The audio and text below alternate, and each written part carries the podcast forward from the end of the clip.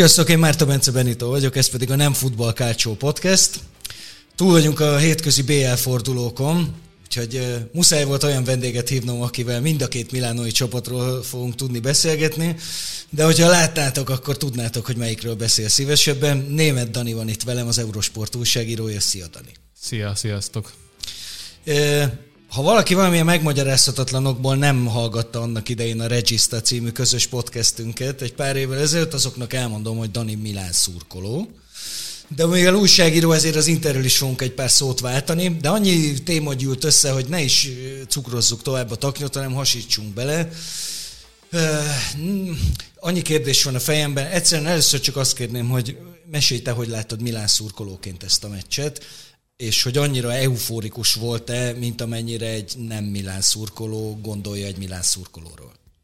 Hát egyelőre azért nem volt szerintem annyira eufórikus, mert azért van egy visszavágó, ahova ugyan előnnyel megy majd a Milán, de azért nem biztos, hogy ez olyan nagyon nagy előny, és hát legalább egy ilyen meccset le kell hozni a Milánnak és hát hogyha ott még esetleg Oszimen is játszik, most ugye azt mondták, hogy nagyon nagy valószínűség van arra, hogy játszon azon a meccsen, akkor az meg teljesen megváltoztathatja az egész találkozót. Fura, de a bajnoki ez egy picit nagyobb löketet adott, azért mert ez meg teljesen váratlan volt, nem csak a végeredmény szempontjából, hanem az, hogy egyáltalán megnyerte azt a meccset a Milán, nem volt előtte különösebben jó paszban, meg azóta sem. Tehát ezt, ezt talán kimondhatjuk, hogy ez meglepő volt minden szempontból itt azért a BL-ben picit számítottam arra, hogy szorosabb lesz, mint mondjuk a bajnoki versenyfutás. Ez majdnem minden alkalommal így van, amikor azonos nemzetbeliek játszanak egymással, hogy hiába van mondjuk egy dominánsabb csapat, a bajnokság alapján. A BL-ben ezek sokkal kiegyensúlyozottabb párharcok szoktak lenni, és nagyon sokszor az esélytelenebb jut tovább, amiben azért most így a milánóiak is bíznak. Hm. Mi szerinted a nagyobb előny a visszavágó előtt? Az 1-0, vagy a kisárgázott, megsérült, elhullott Nápoli kezdőnek a fele? Hát utóbbit kéne rávágni kapásból, de azért egészen jól tudták menedzselni idén a Napolinál a sérüléseket. Jó, mondhatjuk, hogy itt most két meccset elveszítettek a Milán ellen, úgy, amit valószínűleg Osimennel megnyerhettek volna, vagy lehetett volna sokkal szorosabb is.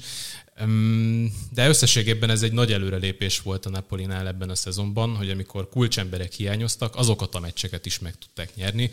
Ha jól emlékszem, akkor Joan jesus is az a helyzet, hogy minden meccset megnyertek idén, amit egy kicsit szürreális kijelentés, de Kim hiányát is elbírták az eddigi meccseken. Jó, nyilván a BL az ilyen szempontból más lesz, meg nyilván ez lehetőséget ad a Milánnak, pláne, hogyha mondjuk Leo lehoz egy jó meccset, akkor az sokkal nehezebb lesz menedzselni, de ettől függetlenül nem féltem a Napolit ilyen szempontból, mert egészen jó keretük van pont az ilyen helyzetek menedzselésére. Azért ez nem így tűnt. Most ezen a meccsen. Elsősorban azért, még az első 20 percben úgy tűnt, abszolút, azt gondolom azért ijesztő volt, mert mindjárt beszélgetünk róla. De az, hogy a gól az ennyire pofán verje ezt egy, egy olyan csapatot, ami azért nem azt mondom, hogy sokszor került hátrányba, de mondjuk olyan önbizalmi tőkét kellett, hogy az idei szezonban felhalmozzon a bajnokok ligája és a, a bajnoki szereplésével, amit nem lenne szabad, hogy, hogy így megforduljon egy meccsképe, pusztán azért, mert gólt kaptál. Mondom ezt annak ellenére, hogy egy pár perccel korábban volt már egy zicsere ugye Leáónak, szintén a, a, a hatalmas nagy semmi kellős közepéről, egy jó labda átvétel miatt. De akkor miért?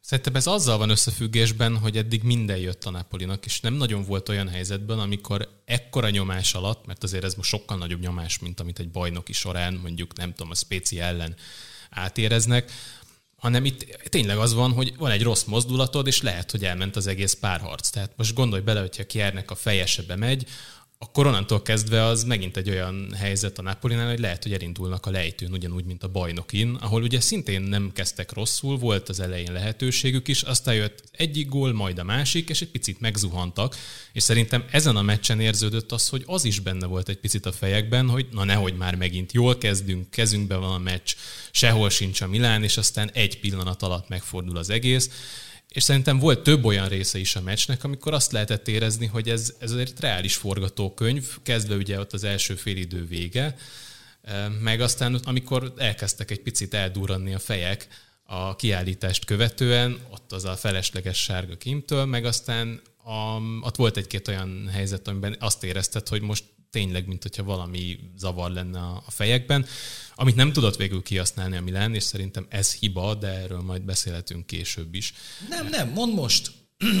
Szóval szerintem ott tényleg az volt a helyzet, hogy meg lehetett volna fogni ezt a párharcot, és nem nagyon éreztem azt, hogy a Milán törekedett volna arra, hogy megnyerje ezt a meccset egy gólnál többel. Nyilván, hogyha lett volna rá lehetőség, mert mondjuk a Napoli ad, akkor azt megpróbálta volna kihasználni, de hogy így proaktívan hozzáállt volna, hogy na akkor most próbáljuk a földbe döngölni őket, és megnyerni úgy ezt a meccset, hogy a visszavágón már ne is gondolkozzanak azon Oszimennel vagy Oszimen nélkül, hogy visszajöhetnek ez a fajta mentalitás nem volt meg a csapatban, és ma meglátjuk, hogy ez visszaüt a visszavágon. Az volt a benyomásom, hogy ez az egy gól ez tökéletesen megfelelt Piolinak, meg a csapatnak, és ezt előzetesen aláírták volna, és most is aláírták. Hmm. Hát így, hogy már nincs idegenben lőtt gól, valójában szinte mindegy, tehát ez az egy 0 tényleg egy tökéletes eredmény. Viszont te Pioli helyében neki mentél volna a Nápolénak a második gólért? Mm, szerintem igen. Nagyobb es. Persze. Hát De így is majdnem kiegyenlítettek. Az mit védett ott menjen? Ő mindig, minden egyes meccsen van szerintem most már egy ilyen. Ugye francia válogatottnál kapták De ezt ilyen? fel nagyon. Ugye, majdnem hasonló volt a Harry Kane elleni fejes utáni védés is. Csak ugye ott nem fentről kellett kiszedni, hanem lentről, és talán az még bizonyos szempontból nehezebb is a kapusoknak oda leérni ilyen gyorsasággal mondom, és majdnem minden meccsen van egy ilyen védése most már, úgyhogy az ember így nem is figyel fel rá, hogyha Na, folyamatosan nézi. Fényezheted ja. menjen, de nem úszod meg, hogy elmond, hogy miért mentél volna neki a Nápolénak a második gólért. Meg hogyan? Ahogyan, azt nem tudom, de nem én ülök Pioli helyén, úgyhogy szerintem ezt mindenki jobban jár egyébként is. De igen, egy picit azért nem is azt mondom, hogy nagyon neki menni a Napolinak, mert ezt nem akarod megkockáztatni, hogy elmenjenek egy kontrával. Ott azért a cserékkel is alapvetően erre rendezkedtek be, hogy lehetőleg, ha mondjuk adódik egy lehetőség, mert kinyílik a Milán, akkor elfussanak. Azt megláttuk a szezon egy bizonyos pontján, hogy azért a Milán a kontrák ellen tud sebezhető lenni. Úgyhogy ezért nagyon nem mentem volna neki a Nápolynak, de egy kicsit talán többet próbáltam volna annak érdekében tenni, hogy meglegyen a második gól. Aztán mondom, lehet, hogy ennek nem lesz jelentősége, lehozzák úgy a visszavágót, mint a tetenem ellen. Hmm.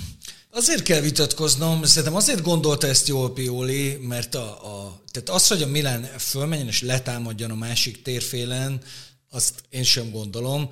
És Pioli sem gondolta, azt viszont gondolta, hogy mivel fönt van a pályán Leo, a, az ő gyorsaságában és abban, hogy ahogy egyre inkább megy előre, és egyre fejetlenebbül, és aztán a végén már ember hátrányban megy előre a Nápoli, sokkal jobb esélye van gólt szerezni egy olyanból, hogy valaki segbe rúgja a labdát, Leo meg levágtat vele a másik kapuig, és bebombázza. Igen, abból a szempontból meg kell védeni Piolit, hogy az látszódott, hogy nem nagyon bízott a cserékben. Hát most nézzük meg, hogy kiket hozott be. Behozta a Rebicset, meg Salamákerst, és nagyjából itt ezen a ponton meg is állt, és más nem akart. Szóval nem nagyon volt lehetőség arra, hogy mondjuk behozzon egy olyan gyors játékos, talán egy origi lehetett volna még, de benne se nagyon bízik, talán a teljesítmény alapján érthető is, de, de nem nagyon tudott változtatni, szóval nyilván erősen nagyon volt a csapatban arra, hogy még egy pici pluszt kihozzanak magukból. Segített volna Ibra, hogyha a pályán van? Nem hiszem. Azt néztem, hogy kb. most tényleg nem sokszor fordult elő az idei szezonban, de Ibra volt az egyetlen komoly sérültje a Milánnak. Igen, egyébként kérdés, hogy mennyire komoly, mert a sérülés ez lehet, hogy komoly, ezt sose tudjuk nála most már, de hogy mennyire van nagy ráhatása a csapatra, játékban egyébként valószínűleg nem. Azért ez látszódott, hogy sokkal darabosabb. Nyilván, hogyha lenne meccs terhelés alatt, akkor azért ez változna, meg fejlődne, meg előbbre lépne, csak hát nem biztos, hogy van már olyan állapotban, vagy van még olyan állapotban, hogy meccs terhelés alá kerülhessen. Uh-huh. Szóval az eddigi meccseken, meg az, amikor be tudott szállni, akkor az nem nézett ki olyan nagyon jól, hiába lőtte be azt a büntetőt másodjára. Másodikra, igen, de nem. És az a rekord, korrekorder is Igen, lett, igen. Ha jól rémlik. Megkönyörültek rajta. Na jó. Az de rossz meccs volt. Na ne bántsuk, ne bántsuk, főleg Ibrát ne bántsuk, az nagyon rossz volt egyébként. Azért mégiscsak beszéljünk erről egy kicsit, mert megfulladok gyorsan és folytatjuk. Szóval az, hogy, hogy ennyire kétarcú, és nem csak a Milán, hanem az Inter is, és egy egészen más arcát látjuk, hát most itt az utóbbi fordulókban ez az Empoli se volt egy, egy fákjás menet. Jó, egy jól tömörülő ellenfél, ami egyébként nem is annyira sajátja az Empolinak, de ezt most, hát nagyon, jó, ezt most nagyon jól megoldották ezen a meccsen. A Fiorentina, hú, az, az rettenetesen nézett ki. Jól volt még közte egy csúnya meccs, egy vereség. Udine, az Udine. Gondolsz, igen, igen, így van, így van, az Udinéze. Úgyhogy előtte meg, mindegy, ezt fejtsük meg, hogy ez, hogy ez micsoda. Ez egy nagyon sok összetevős probléma szerintem, aminek volt egy ilyen szerkezeti... tenger. Ó, hát akkor beszéljünk róla. Szóval szerkezeti gondokkal kezdődött alapvetően szerintem. Volt egy ilyen talán szervezettségi probléma, hogy a letámadás elkezdett nem működni. Ugye úgy mentek ki a védelemből is játékosok, kezdve mondjuk Tomorival, mint hogy Zrínyi a várvédőkkel előre, aztán majd meglátjuk, hogy mi lesz belőle, és aztán azért ezt felismerték most már az ellenfelek, hogy oda be lehet lövöldözni a labdát, meg ki lehet ugratni a védőket úgy, hogy közben támad azokat a folyosókat, amik megnyílnak, úgyhogy ezt szépen ki tudták használni, mert a középpályán is volt szerintem zavar, akár Tonali és Benasser között. Tonál is nagyon sokszor fent ragadt, mögötte meg senki sem fedezett, mert arra nem alkalmas Beneszer, úgyhogy ezért működött jól a Kessé, Tonáli kettős, ezért profilban bizonyos szinten hasonlóak, meg hasonló szerepkört el tudnak látni, amikor az egyik felment, a másik visszamaradt, ők le tudták védekezni a kontrát, Ugyanezt azért nem biztos, hogy meg tudod játszani Beneszerrel és Tonelival, úgyhogy nekem van egy ilyen elméletem, hogy jobban működik a csapat akkor, amikor Krunic és Tonali játszanak a védelem előtt, abból kifolyólag, hogy az előző kettő meccsen ezt játszott a Pioli, szerintem az ő elmélete is ebbe az irányba kezd menni, mert hogy Krunic és Tonelli el tudják látni egymás feladatát, Beneszer meg egy más típusú játékos. Bocsáss meg, félbe kell szakítsak. Nem azért van, mert igazából annyira nincs már jobb szélső opció, hogy inkább visszahúzott egy embert a középpályára?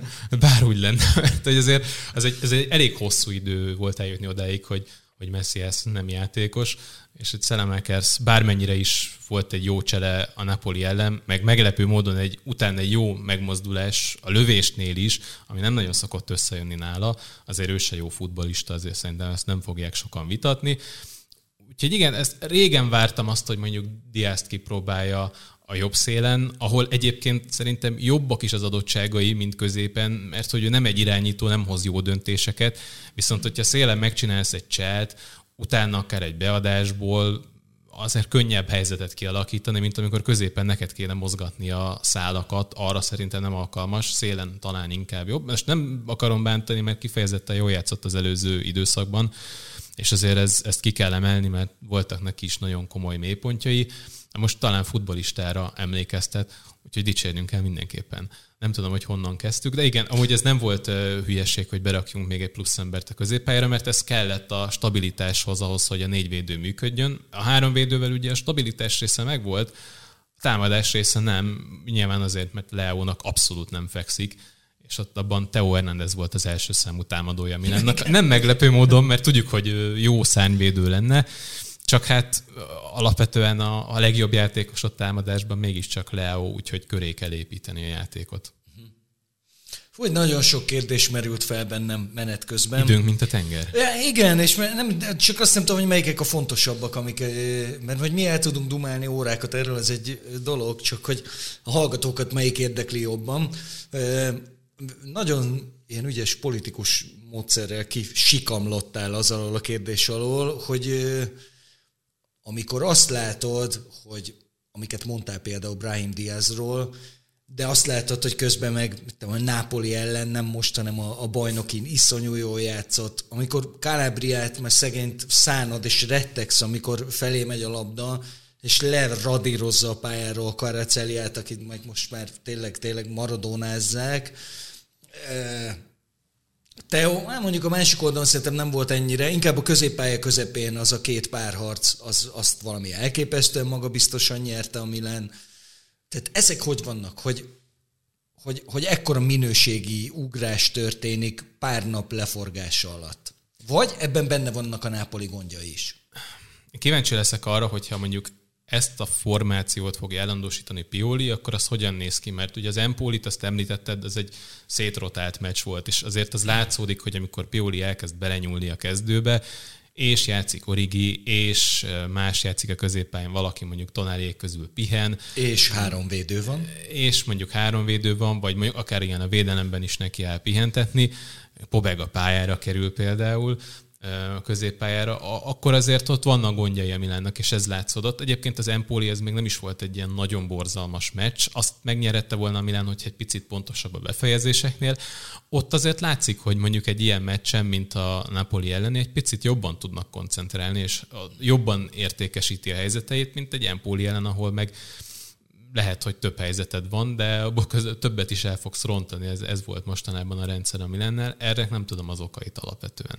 Hm nem tudom, hogy ez válaszolt a kérdésre, nem akartam igazából megkerülni a de értem, értem, csak szívottalak. Eh, Annó Gianni Agnelli mondta azt. Eh, Na, megint a csalók. Zibi, a csalókról, de csak a, a maga a felvetés miatt nem fogunk a Juventusról sokat beszélni.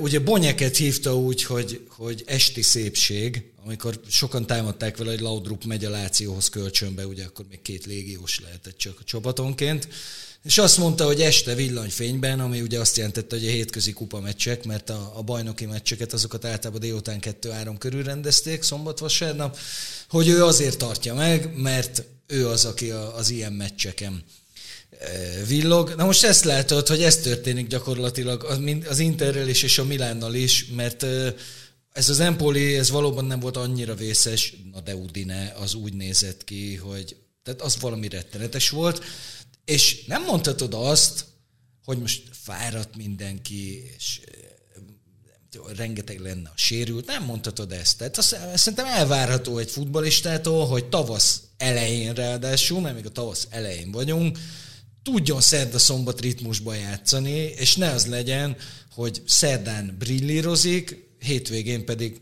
hát a gyenge és a katasztrófális között. Mi lenne szerintem ez magyarázható azzal, amit itt a Napoli kapcsán már pedzegettünk, hogy nem nagyon bízik Pioli a cserékben, és nincs elég igazából fölépítve. Tehát most Rebic alig játszott a mostani meccs előtt, ilyen nagyjából 15 perceket kap legfeljebb, de azt se feltétlenül mindig. Nincs egy igazi második számú csatár zsíru mögött, tehát hogy mondjam, itt azért érezhető minőségbeli különbség van, meg önbizalom tekintetében is. Azért azt gondolom, hogy nem annyira rossz játékosok, mint amennyire rosszul játszanak, de ahhoz, hogy te formába kerülj, az meccsek kellenek, az önbizalom kell, és ezek nagyon nincsenek meg a játékosokban. Így viszont azok játszanak gyakorlatilag egész évben, akik az alapembernek tekinthető játékosaid. És ez így viszont valószínűleg azért nem fér bele, úgyhogy mi nem tudnak így konstans jól teljesíteni, ezért a nagyobb csapatoknál próbálnak rotálni, és, és így tudnak ők is folyamatosan lendületben maradni, vagy legalábbis a legtöbb esetben, az, az nem szokott hosszú távon fenntartható lenni, hogyha ugyanazzal a kezdővel tolod végig az egész évet, már pedig azért a, a Milánnak nagyjából most erre lenne szüksége ahhoz, hogy konstans fent tudja tartani azt a teljesítményt, a cserékkel egyértelműen gyengébb. Uh-huh. Miért változtatott ennyire erősen Pioli a Milán azon a játékán, aminek az elmúlt, mondhatjuk, hogy két év sikereit köszönhette. Most a három védőre. Nem csak arra, azért ez, a, ez az, mert ugye előtte azért nem volt egy ö, rettenetesen bonyolult játék a Milánnak, magas pressing, mindenki felhúzódva egy 30 méteres folyosóba, és akkor ebből ügyeskedett. Amilyen ezt, ezt jóval kevésbé látod, és nem csak a BL-ben, hanem a, a, a bajnokságban is. Az az igazság, hogy szerintem a Milánnak egészen jól jöttek a sérülések sokszor. Most gondolj bele Kalulura, aki valószínűleg nem játszott volna, hogyha nincs kiár sérülése.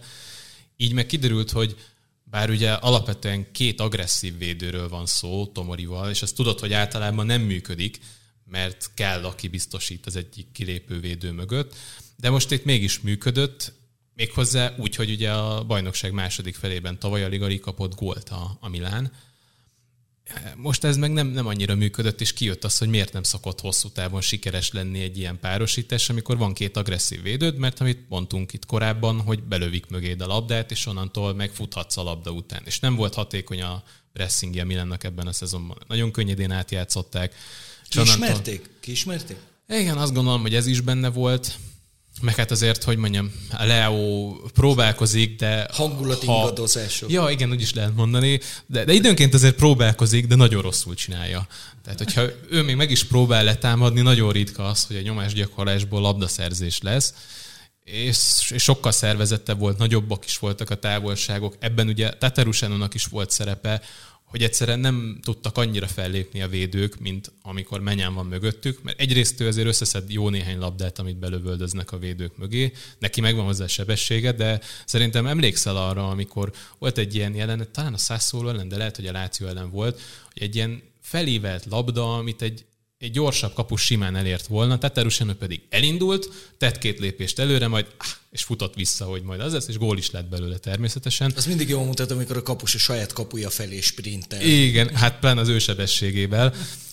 Szóval ezekre utaltam szerkezeti gondok alatt, hogy ott azért jó nagy távolságok voltak a csapatrészek között, és nyilvánvaló volt, hogy ez így nem működik, és azért lett az, hogy akkor próbáljunk meg három védőzni, legalább legyen egy plusz biztosító ember a védők között, és akkor hogy nem rohannak át rajtunk. Ami ebből a részből működött, mert abban az időszakban nem nagyon tudtak helyzetet kialakítani a Milán ellen, egészen az Udinézéig, amit nem tudok megmagyarázni, hogy az miért volt ennyire rossz.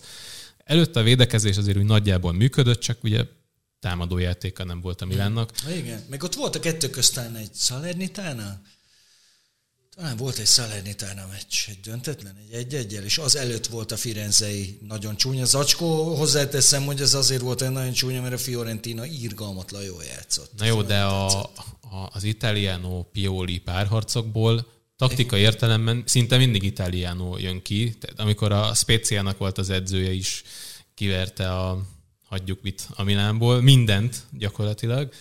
Úgyhogy ezért nyilván a keret között volt különbség akkor is. Mm-hmm Úgyhogy őszintén, ugye arról nem beszéltünk itt a bajnoki menetelésről, az utolsó néhány meccsről, én a Fiorentina ellenitől tartottam a legjobban, hogy ha azt elveszíti Milán, akkor szerintem nem lesz bajnoki cím, de azt valahogy megnyerte, és onnan hozta a többi meccset is. De mondom, attól féltem a legjobban, mert Italiano szinte mindig jól meccsel Pioli ellen, Pioli meg nem mindig hoz jó döntést ilyen helyzetekben, vagy nem annyira szereti azt, amikor szétpressingelik a csapatod, és ezt Italiano szokta bevállalni Olaszországban leginkább.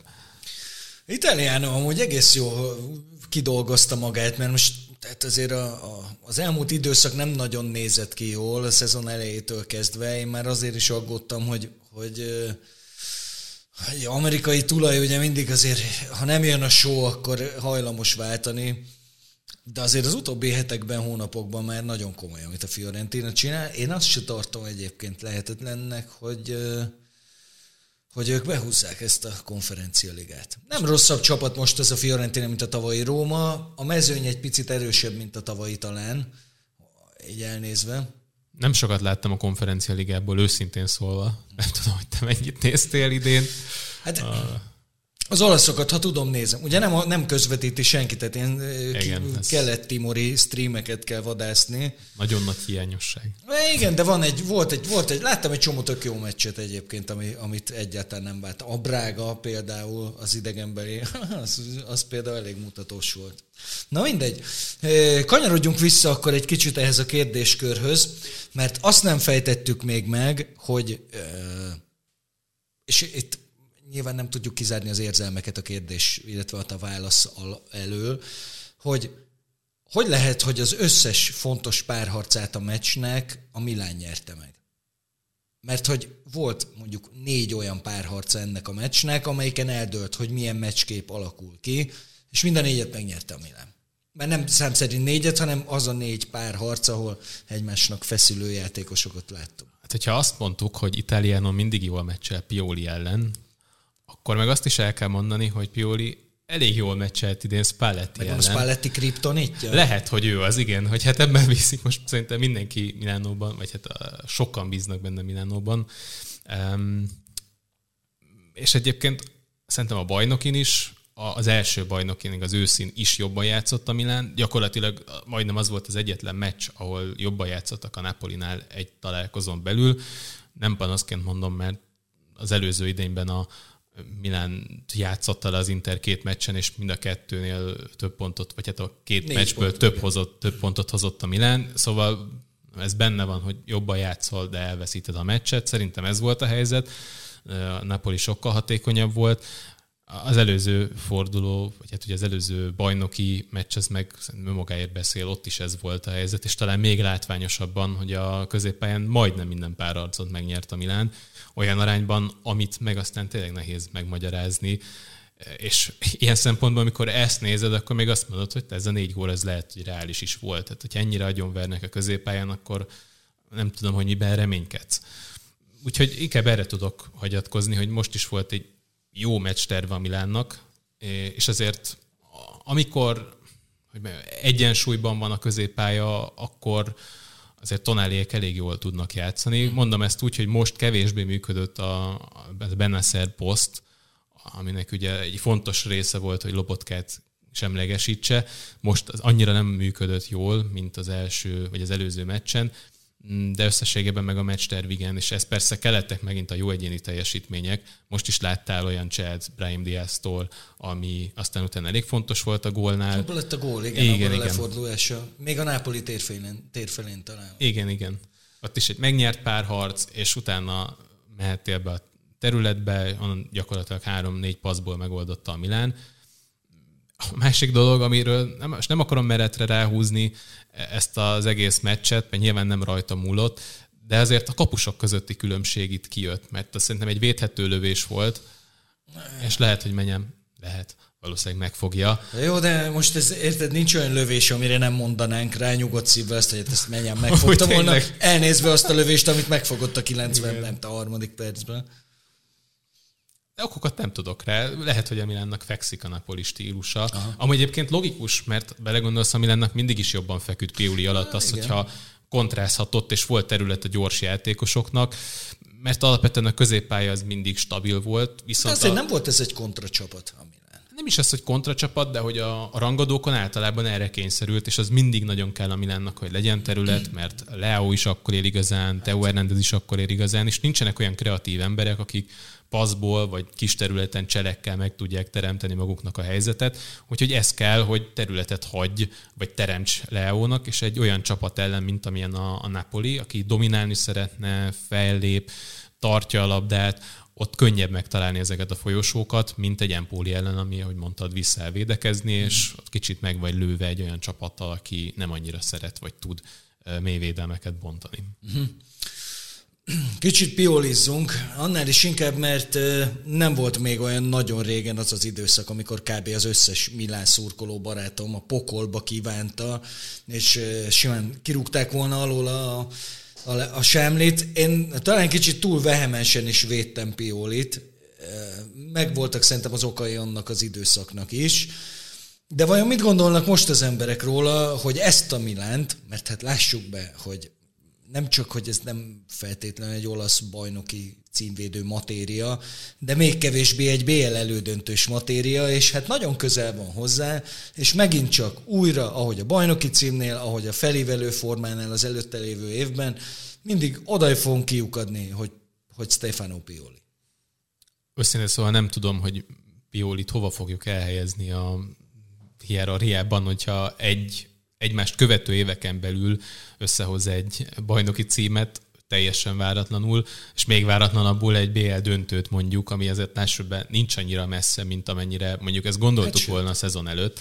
Ez, amit mondtam, hogy, hogy ezért az egymás, vagy azonos nemzetbeli párharcok, azok tudnak kedvezni az esélytelenebbnek, úgyhogy ezt meg lehet akár oldani. Nyilván nem a Milán az esélyes, nem ezt állítom mm, de egyébként ez, ez a kettőség, ez, ez ott van folyamatosan. Én is volt olyan időszak, amikor azt gondoltam, hogy mennie kell. Elsősorban azért, mert ismerjük a, a Pioli mm, menetrendet, hogy gyors felévelés, gyors visszaesés. Ami lenne, ez elmaradt. Volt egy hosszabban elnyúló felévelés, ami aztán ugye különböző korszakokra osztható, mert ugye itt voltak kulcsfontosságú játékosok, akik kikerültek a rendszerből, és azokat is meg tudta oldani, és valahogy mindig erősebb lett a csapat ez már a fejlődés... szerintem ki is kopott ez, hogy már, már nem Igen. várta senki azt, hogy na majd úgyis Pioli, akkor majd úgyis jön az zuhanás. Szerintem ezt már nem várta senki.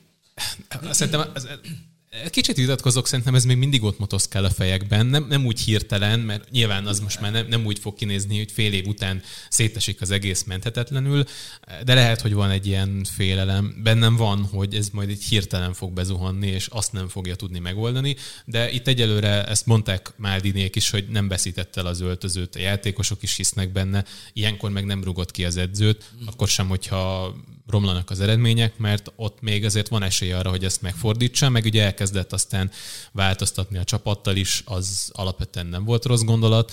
Van egy-kettő dolog, amivel nem értek egyet, például az, hogy előbb adsz lehetőséget Bakayokónak, mint Branksnak. Annak a Bakayokónak, aki persze rutinosabb, de igazából nem volt értékelhető megmozdulása azóta, hogy a Milánból eligazolt, mert már a Napolis időszak se volt jó, a Milánba visszatérve meg tényleg borzalmas volt, szóval, hogy neki miért adsz lehetőséget, amikor fiatalabbaknak nem. Valószínűleg amúgy ez is benne van, hogy a Róma elleni butafaltot azt Branks követte el, de szerintem ez a rutintalanságnak a számlájára írható, szottában pedig nyilván van benne potenciál, meg ugyanez, hogy mondjuk Pobegának adsz lehetőséget, Adlinak nem. Úgyhogy ugye... a bőgyedbe, ha Pobega. Nem, nem, egyébként szerintem egy hasznos kiegészítő ember, de nem raknám be soha tízesként, és ugye azt játszotta, vagy legalábbis azon a poszton, és mondom, hogy ha oda már egy játékos be kéne rakni, akkor ezerszer inkább Adlit Jó, raknám de ez be. melyik időszakban volt? Ez a, ez, a, ez a nagyon nehéz hát, időszakban volt, amikor... Empoli ellen is szerintem Pobega játszott hasonló szerepkörben. Jó, de az meg a rotálás miatt volt. Hát ezért mondom, hogy rotálásban akkor inkább Adlit berakom oda, aki persze lehet, hogy nem annyira fegyelmezett taktikailag, de legalább tud támadni, és azért az egy pont egy olyan csapat ellen, mint az Empoli, aki valószínűleg be fog állni, védekezni a Milán ellen, ott pont hasznos lehet. Hmm. Mondom, de ezek ilyen apró részletek, amikkel én nem értek egyet, hogy nyilván többet látja ezeket a játékosokat, meg Lehetséges, nem, hogy még esetleg jobban is ért hozzá. Igen, ezt akartam mondani, nem akarom azt állítani, hogy jobban értek hozzá, valószínűleg azért Piolinak egy picit több rálátása van a focira, úgyhogy bízni kell benne, de a szurkoló az már csak olyan, hogy mindig jobban tudja, vagy mindig valami mást akar látni, meg hogyha valami nagyon nem működik, akkor rámutat egy játékosra. Bezzek, hogyha ő játszott volna, akkor teljesen más lenne. Mindig egyszerű. Persze. De hogy ez a Pioli out hashtag, én azért voltam nagyon ki, mert nincs vége a bajnokságnak, nagyon sok minden történhet még, de Pioli szerintem idén is nagyon durván túl teljesít ezzel a Milánnal. Tehát az, hogy ha bemegy az elődöntőbe a BL-ben, és a legjobb négy közé odaér, akkor szerintem aranyjal kell kiverni azt a szobrot, amit tavaly kellett volna márványból felhúzni neki. Igen is, meg azért egy picit vitatkozok abból a szempontból, Na. hogy a sorsolás az eléggé kedvező volt az, e, az összes olasznak, azért igen. ezt írjuk alá. Ne, nem az összesnek. Hát jó, az Internek a csoportkör az borzalmas volt. Nem, nem, nem csak ez, ez szerintem a Juve beszopta a leges legdurvábban. Hát igen, a Maccabi Haifa az legendásan nehéz Mekkora rohadék vagy, most nyakon fognak csapni. Na jó, de annyira rosszul jó, játszott a Juventus, hogy ott nem nagyon tudod csak a sorsolásra fogni. Ja, nem is, nem is akarom, de azért az a Benfica az például egész másképp nézett, mint, ki, még ki, mint az Inter elleni. Kicsit majd beszélgetünk arról is, mert ezt aztán végképp nem értettem. Nem láttam őket azóta, a szeptember óta, tehát fogalmam sincs, hogy mi történt menet közben a Benficával. De igen, igazad van, a Milánnak a sorsolása nagyon jó volt. Jó volt a csoport, nagyon nagy mázli volt a Spurs, még úgy is, hogy a, Spurs amúgy is mázli, de még Contéval Igen, súlyos. Azt akartam mondani, hogy amikor meglátom a sorsolást, hogyha nem rúgják ki Contét, akkor ez, ez meg lesz. Igen. De rohadékok vagyunk közben, meg én úgy De teljesen igaz. De te, Igen? az első éve volt korrekt a BL-ben, azóta meg gyakorlatilag mindig csalódás volt. Az korrekt volt? Mi is volt ott? Negyed döntő a, a Juventusszal, és a Bayern-től kapott ki. A Bayern? Ú, de ez nagyon csúnya kiesés hát, volt. Az egy nagyon jó Bayern volt. Jó, jó, egy nagyon-nagyon az elején lévő Juventusszal szerintem az, az vállalható volt. Ott mindent kihozott, mondhatjuk a, abból, és aztán utána... akkor ment is egy kört még tán Celtic. A csoportkör után Celtic. Azt már te Mátri, jobban tudod. Mátri duplával, érted? Mátri duplával. És utána a Bayern, és hú, az nagyon kellemetlen volt az a Bayern meccsenek. Az első, ráadásul azt hiszem hazai pályán volt talán, fú, nagyon rosszul nézett ki. Mindegy, lényegtelen. Hol tartott? Ja igen, hogy tehát Spurs, Conteol súlyosbítva, és éppen válságban a Spurs, mert az, az azért az egy válság. Mert, mert csak 200 millióért igazoltak két év alatt. Most ez, De érted, nem tudsz annyira igazolni, hogy ne legyen benne, hogy lesz valami ilyen válság. Igen, mondjuk erre kíváncsi lettem volna, hogy, hogy a Conte ül a Chelsea kispadján, amikor elzúdítanak 600 millió euróért játékosokat, akkor is azt mondja, hogy na jó, de hát azért mégiscsak kellett volna még néhány, ez, hogy jó legyen. Hát igen, nagy, nagy dumás. Na, de már a nagy dumás edzők szóba kerültek, nem tudjuk kikerülni a kérdést. Szerintem nem én voltam egyedül biztos benne, hogy Spalletti bírózni fog, mert én borzasztóan kedvelem Spallettit. Azért van szokás. De, de, de nem a legjobb vesztes az egész világon, azért ezt mondhatjuk. Igaza volt-e bármiben is? Húha.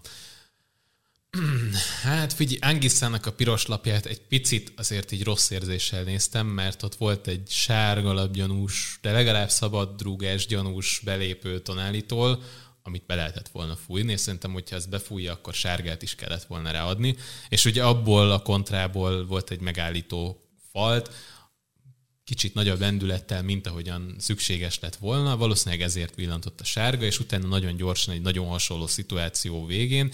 De mondom azért, mert az előtte pont egy olyan falt előzte meg, hogy arra lehetett volna akár szabadrúgást, nehogy Isten sárgát adni, ezért van egy pici rossz érzésem ezzel kapcsolatban, de úgy nem fújta szerintem rosszul a meccset Szerintem Kovács Főleg úgy, hogy ugye tudjuk, hogy nem volt könnyű a helyzet, mert hát nem. megmihálylott a VAR rendszer, plusz a kommunikáció is, tehát nem hallott, nem tudott kommunikálni se. Az asszisztensével ugye többször is láttuk, oda hívtak egy csapatkapitányt, és mondta nekik, hogy mi a helyzet. Igen, ez Calabriahoz nem jutott el annyira. ugye ott a végén kapott egy lapot a meccs után már, Igen. mert ugye hevesen reklamálta, hogy nézzék már vissza a, azt a jelenetet a Salamákerszel amit ugye nem lehetett így visszanézni, hogy nem működött.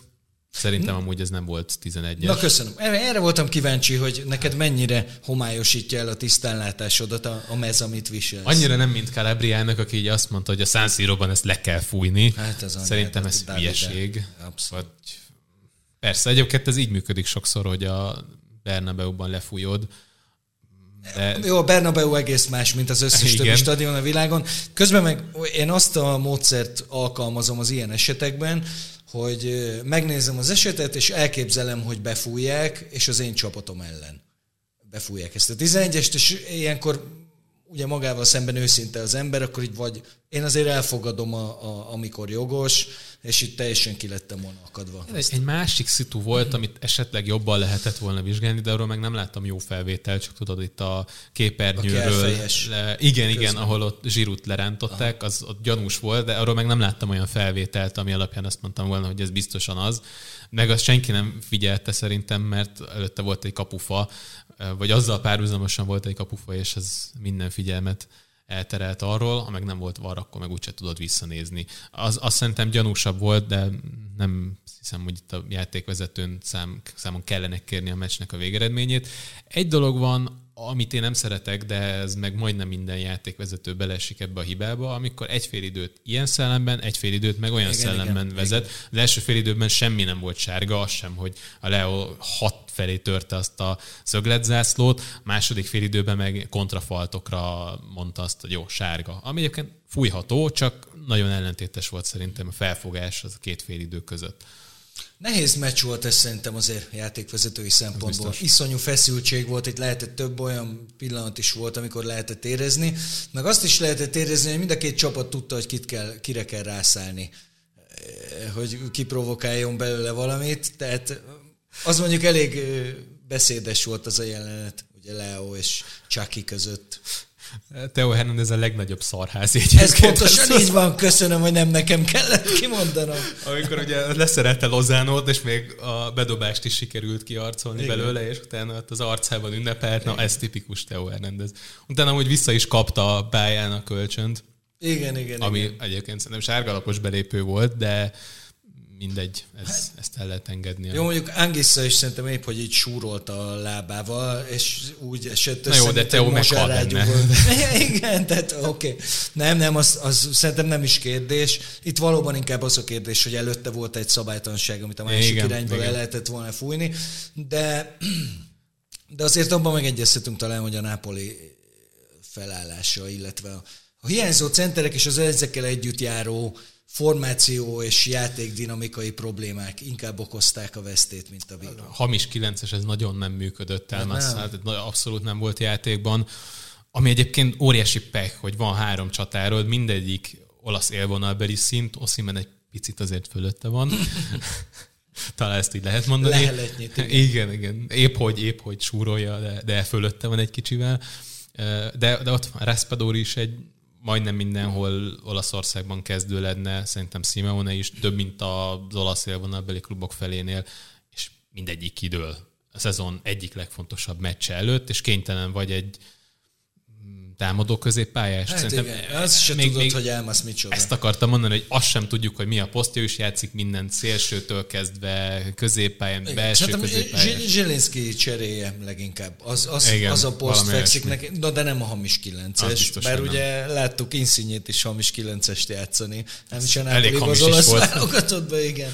Ez nem, nem annyira néz ki jól. És igen, ez az óriási pek, hogy mind a két centeret kidől, oké, okay, akkor játszunk hamis 9-essel, és kidől az a játékosod, aki hamis 9-es tud játszani. Igen, Nem hiszem ez... amúgy egyébként, hogy ez feküdne olyan ez, ez egy olyan helyzet, amire fel se tudsz készülni, mert őszintén szólva még az is luxusnak tűnik, hogy van három ilyen középcsatárjuk. Most egy negyediket nem tudsz odarakni a padra, hogyha ne. esetleg mondjuk ilyen helyzetbe kerüljenek, szóval ez tényleg pech, amire nem tudsz felkészülni, ilyen persze van, aztán meglátjuk majd, hogy a visszavágóra össze tudják-e drótozni Osziment, illetve hogy tud-e játszani annyit, hogy hatással legyen a meccsre, mert ugye most Raspadorit is leültették a padra, de nem volt benne 20 percnél több. Szóval Oszimen sem biztos, hogy olyan állapotban lesz, hogy az teljes értékűnek legyen mondhatom. Érdekes, hogy idén ugye három Napoli Milán meccs volt, és egyiken se játszott Oszimen. Igen? Ha jól emlékszem, de most nem akarok hülyeséget mondani, szerintem az az őszi bajnokin sem volt, ugye azon Leo sem, és a, az előző kettő meg nyilván nem. Igen, igen, az úgy megvan. Ez a része megvan. Egy kicsit, kicsit mivel mi is szurkolók vagyunk, egy kicsit beszélgethetünk szerintem a, a szurkolásról. Csodálatos volt a hangulat, ez csak egy gondolat a, a San Gyönyörű volt az élőkép. Valahogy ilyennek képzeli azt az ember, amikor így a közönség felsorakozik a, a csapat mögött. És szerintem hú, a gól pillanata az valamilyen hidegrázós volt, pedig nem örültem neki. Azt mondod, hogy jobb volt a hangulat, mint amikor egymást gyepálták a hazai szurkolók jegyárak miatt? Köszönöm, erre akartam átfuttatni a kérdést, hogy, hogy, hogy valaki ekkora ostoban a gyökér legyen, hogy eljut a csapata idáig, és kiválasztja a legmegfelelőbb pillanatot, hogy ő most elkezdjen e, sztrájkolni meg egymással. És tudod, miért verekedtek össze? Mert a B-be elkezdtek szurkolni. Azért volt a verekedés. Az anyjukat.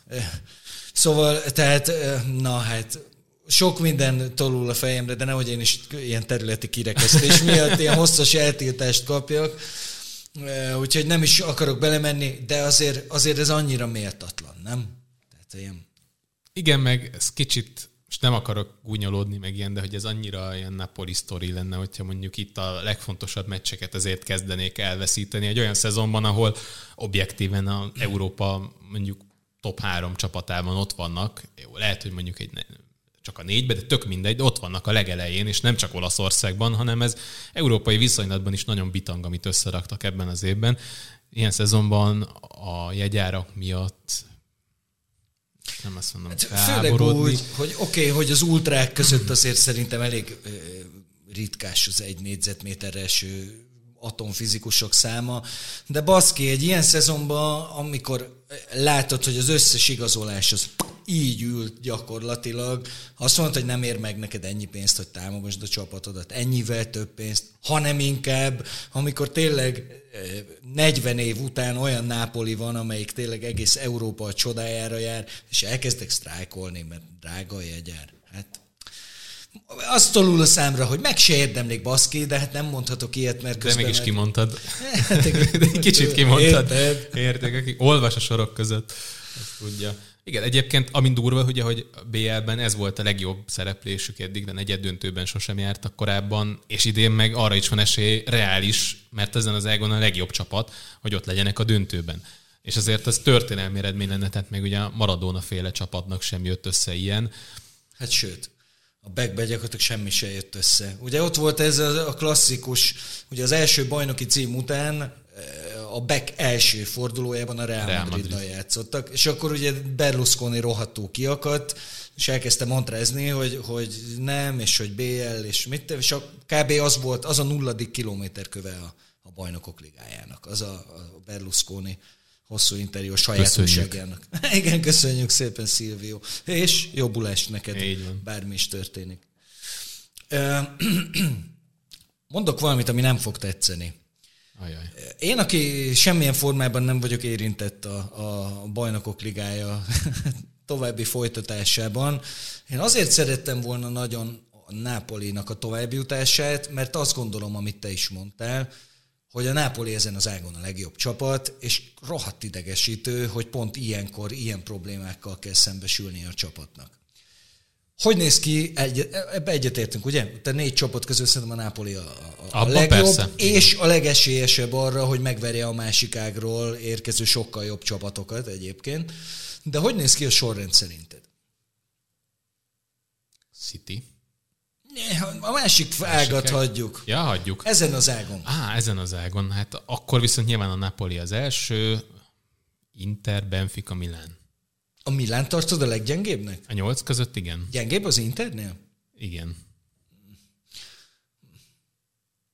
Nem akarsz egyetérteni velem, hogy akkor vitatkozni. Nem, nem, nem, nem erről van szó, hanem arról, hogy, hogy, hogy hasonlót látsz, csak még annyival, mert ugye úgy kezdtük, hogy elmondtuk, hogy a Milán nem sokszor fordult elő az egész két évben, az elmúlt két évben se, de most kb. a legerősebb felállásában játszhatott. Az Interből meg a legjobb középpályása, meg a legjobb védője hiányzott éppenséggel. Na jó, de mondjuk egy fél évvel ezelőtt meg nem mondtad volna azt, hogy a legjobb középpályása. Csánoglu? Már fél éve már lehet, hogy mondtam volna. Tavaly év Brozó elé helyezted volna?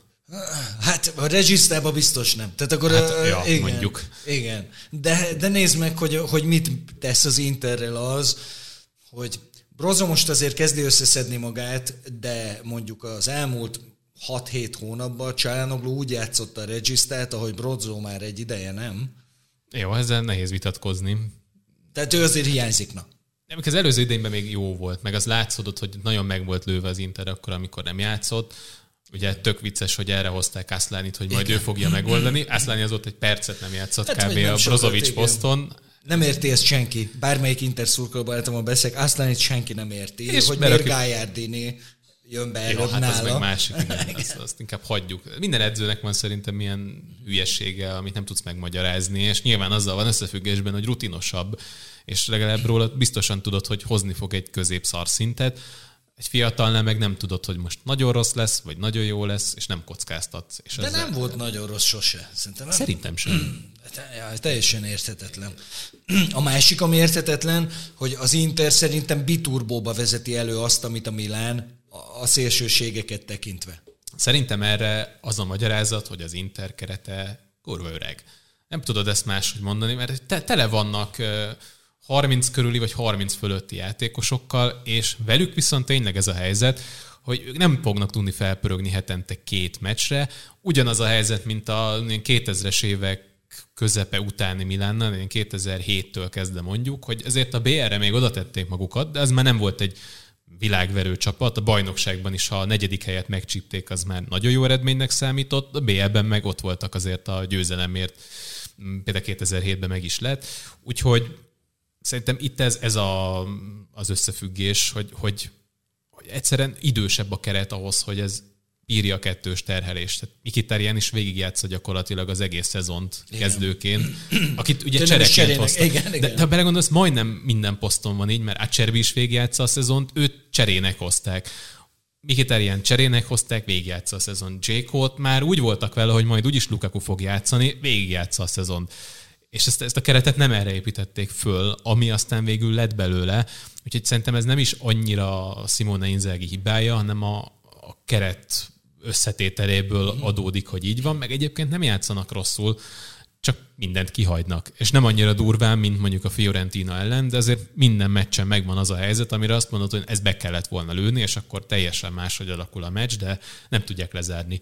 És ez azért alapvetően jellemző az Inzegi féle Interre, hogy nem tudják maximalizálni az esélyeiket, hm. és, és ezzel viszont ugye mások kerülnek előnybe. Ugye tavaly a Milan nem volt szerintem a legerősebb csapat a bajnokságban, a játék alapján viszont sokkal többet ki tudott hozni a saját lehetőségeiből, mint az Inter. Igen. Hát plusz az, az, az annyira szoros volt, hogy mindig meg kell említeni az oda-vissza meccset, ami ami ott egy ilyen hatalmas elbetű jelent meg az Inter homlokán. Ez is erről mind szólt. két meccs nekik állt. Az, abban a két meccsben kicsiben benne volt az egész bajnokság. Hogy van egy jobban játszó Inter, aminek megvannak a lehetőségei, és a pozitív periódusokban nem tudnak kihozni mindent. Jó, ez mondjuk kellett egy menyen is, meg Tatarusanu kifogta élete meccsét, ezúton is köszönjük, de aztán amikor jön a Milán, van egy jó negyed órája, és megnyeri a meccset. Bum.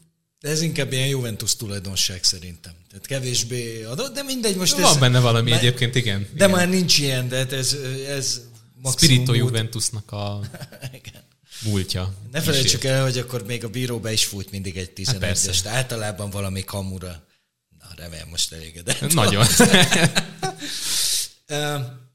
Azért kérdeztem ezt, hogy, hogy rangsoroljuk a csapatokat, mert Szerintem az Intert vehetjük elődöntősnek. Igen. Azt nem gondolnám, hogy ők három góllal ki fognak kapni hazai pályán. Azt hozzátenném, hogy a fordul előtt még lehet, hogy az erős sorrendben a Benficát tettem volna a második Igen, helyre. Én is, De ugye csaltam, mert láttuk az első meccset, így innentől kezdve kényelmesen rakom be az Intert. Azt, az, az a meccs az úgy nézett ki, mint hogyha, nem tudom most, hogy hogy hívják a Benfica edzőjét, valami német neve van, Schmidt, akárki, nem tudom hogy mint aki nem látott egy intermeccset se az életében körülbelül. Tehát, hogy ilyen nem, nem tűnt nagyon... Ja, pedig nyilván nem így van. Igen, azért, hogy ilyen nagyon... De mondjuk, hogy erről beszélünk, hogy az Internek nehéz is most látni a, meccseit idén, úgyhogy, mert nem tudod, hogy mi lesz a következő hát alkalommal, meg a BL-ben teljesen más arcukat mutatják. Jó, de nem a játékuk változik, csak a minősége. Igen, igen. De te de hát az, az is azért egy elég nagy változás. Nem tudod, hogy kik fognak gyengén teljesíteni, vagy senki nem fog gyengén teljesíteni, mert éppen a BL-ben egészen más periódusban vannak, de hát ez volt a csoportkörben is.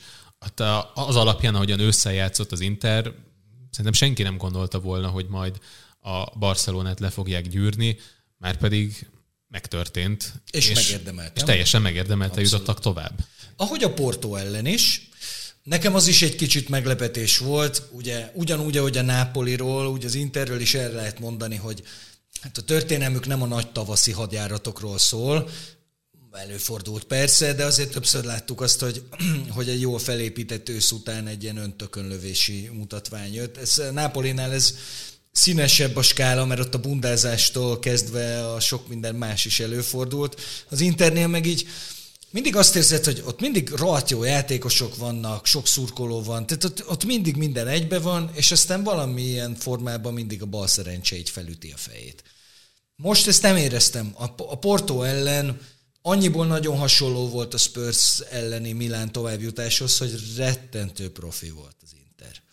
A végén volt neki, neki kellett egy kis mázli a végén, a Milán az komolyan ment 80 fölé a púzusom a, a két Milán Spurs meccsen összesen, még úgyse, hogy 0-0 lett, és az tényleg ott aztán tényleg bármi történhetett volna. Az Internek szerintem sokkal nehezebb dolga volt, azért ez a Porto ez egy sokkal jobb csapat volt. A végén rezgett is a léc, ugye emlékszünk, Onánának volt egy pár Igen, brutális nagy védése. Mondani. Bocsáss meg, hogy belét folytottam, de nagyon profi volt az Inter, és ez kurvára nem következett abból, amit menet közben láttunk tőlük hétvégéken. A Simone Inzeg egyébként egy jó kupaedző. Ezt láttuk a hazai környezetben is, hogy azért ott ő el, el tudott érni mondjuk akár egy olasz kupában jó eredményeket, és úgy tűnik, hogy ez az oda-visszavágós párharc is fekszik neki, ami egyébként egy nagy előrelépés Kontéhoz képest, és egyébként én erre számítottam. Nyilván ez um, kicsit rossz indulatú Kontéval, meg egyszerűen belerúgtunk, másodjára nem akarok, de... Hát a amikor... Van szó, hogy nyugodtan lehet rugdosni. Kit fogsz rugdosni, a nem őt? Cikasz. Szóval ugye ez volt az első gondolatom, hogy ugyanúgy, mint ahogyan Allegrivel is előbbre lépett a Juventus nemzetközi szinten, hogy hogy Simone Inzaghival is simán lehet, hogy az Inter sokkal jobb lesz Európában, és összességében jobb is. Tehát azért nagyon-nagyon nehéz feladatokat kellett megoldani, és oldottak meg. Most picit szerencséjük volt azért a sorsolással.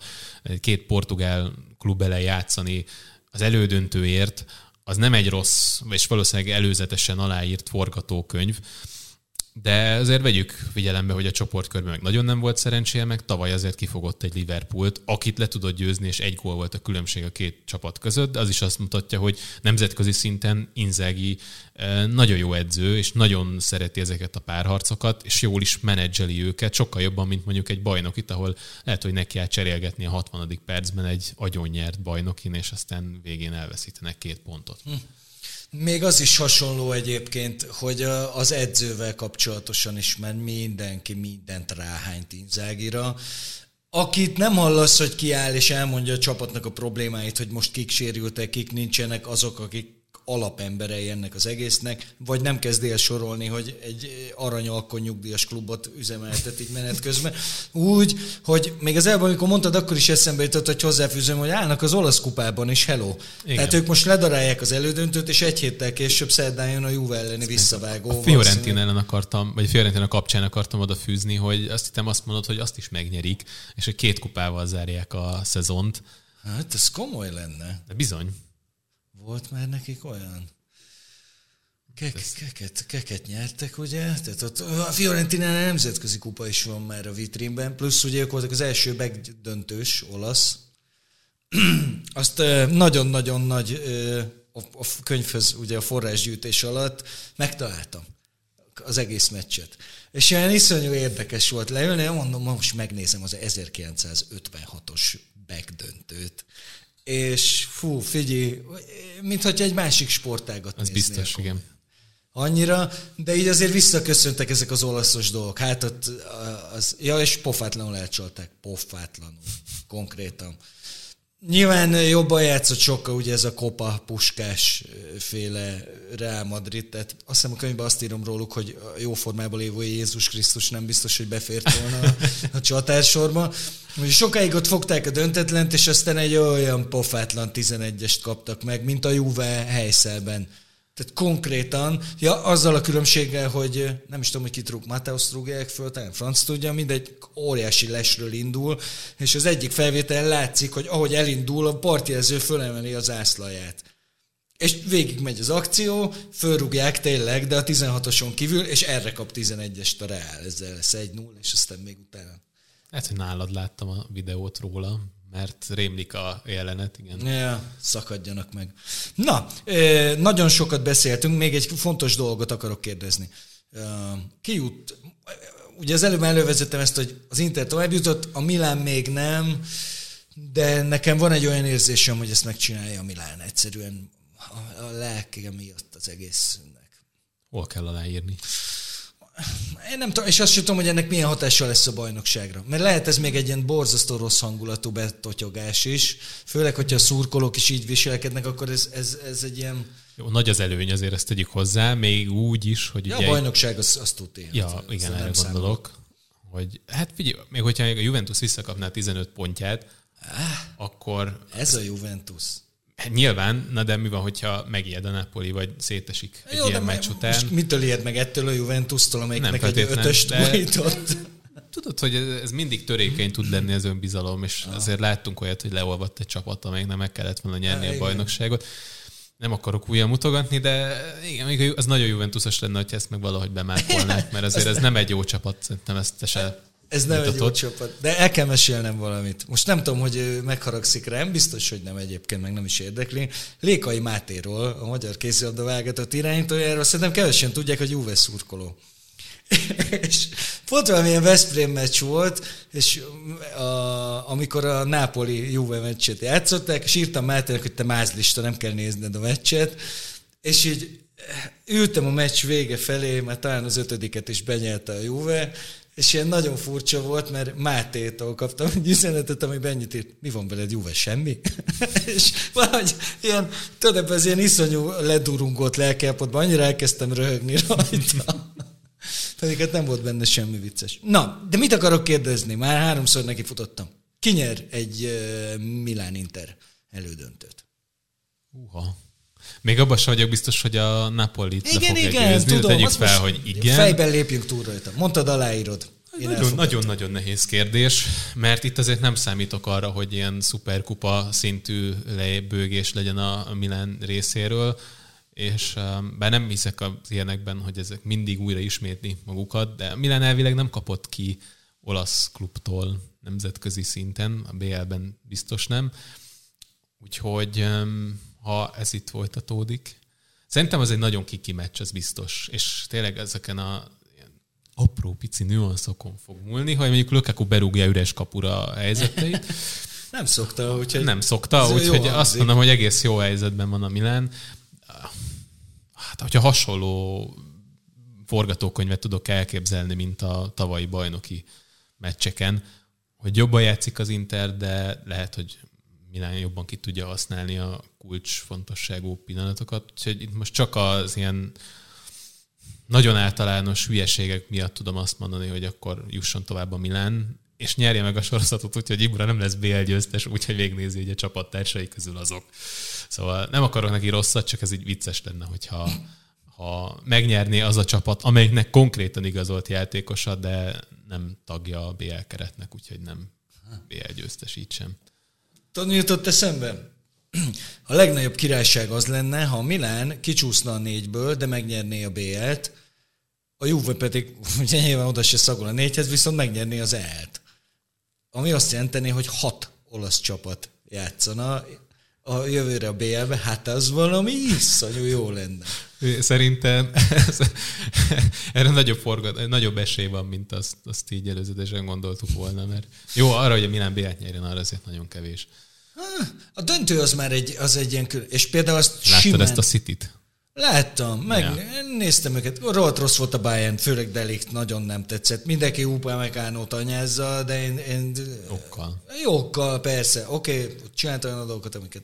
Nem, de Delikt is szar volt konkrétan. Mondtam, beszéltünk róla, hát az a, a Halannak a gólya, a, a, az, az valami nevetséges volt. Én azért vizes törőközővel félholtra vertem volna Deliktet. Mindegy, lényegtelen. Azt hiszem, hogy a BL döntő az, az rohadtul nem arról szól, hogy melyik a jobb csapat.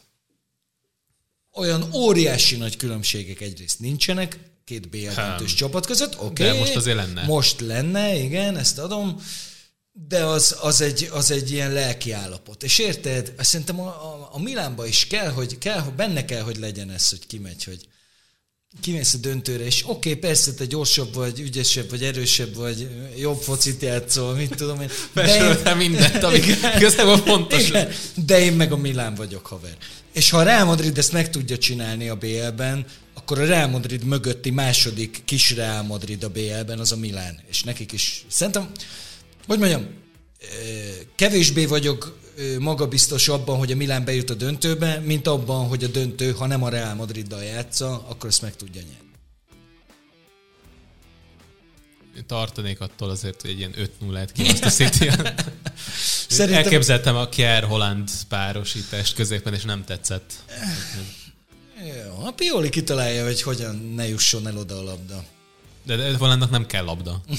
de kell neki. Jó, kettő ez a baj, igen, hát igen, ez a baja egyébként szerintem egyedül. Jó, nagyon-nagyon jó az a csávó. És igen, persze, nyilván így papíron leírva nem tudnánk összehasonlítani ezt a két csapatot, de papíron az Internek is négy núra ki kellett volna kapnia körülbelül a Benficától. Na de várj, mi most elkezdtünk tippelni arra, hogy City Milan döntő lesz idén a BL-ben? Nem, mert szerintem a City nem tudja kiverni a Real Madridot. Ajaj. Mert a Real Madrid az Real Madridabb a Citynél. Az biztos.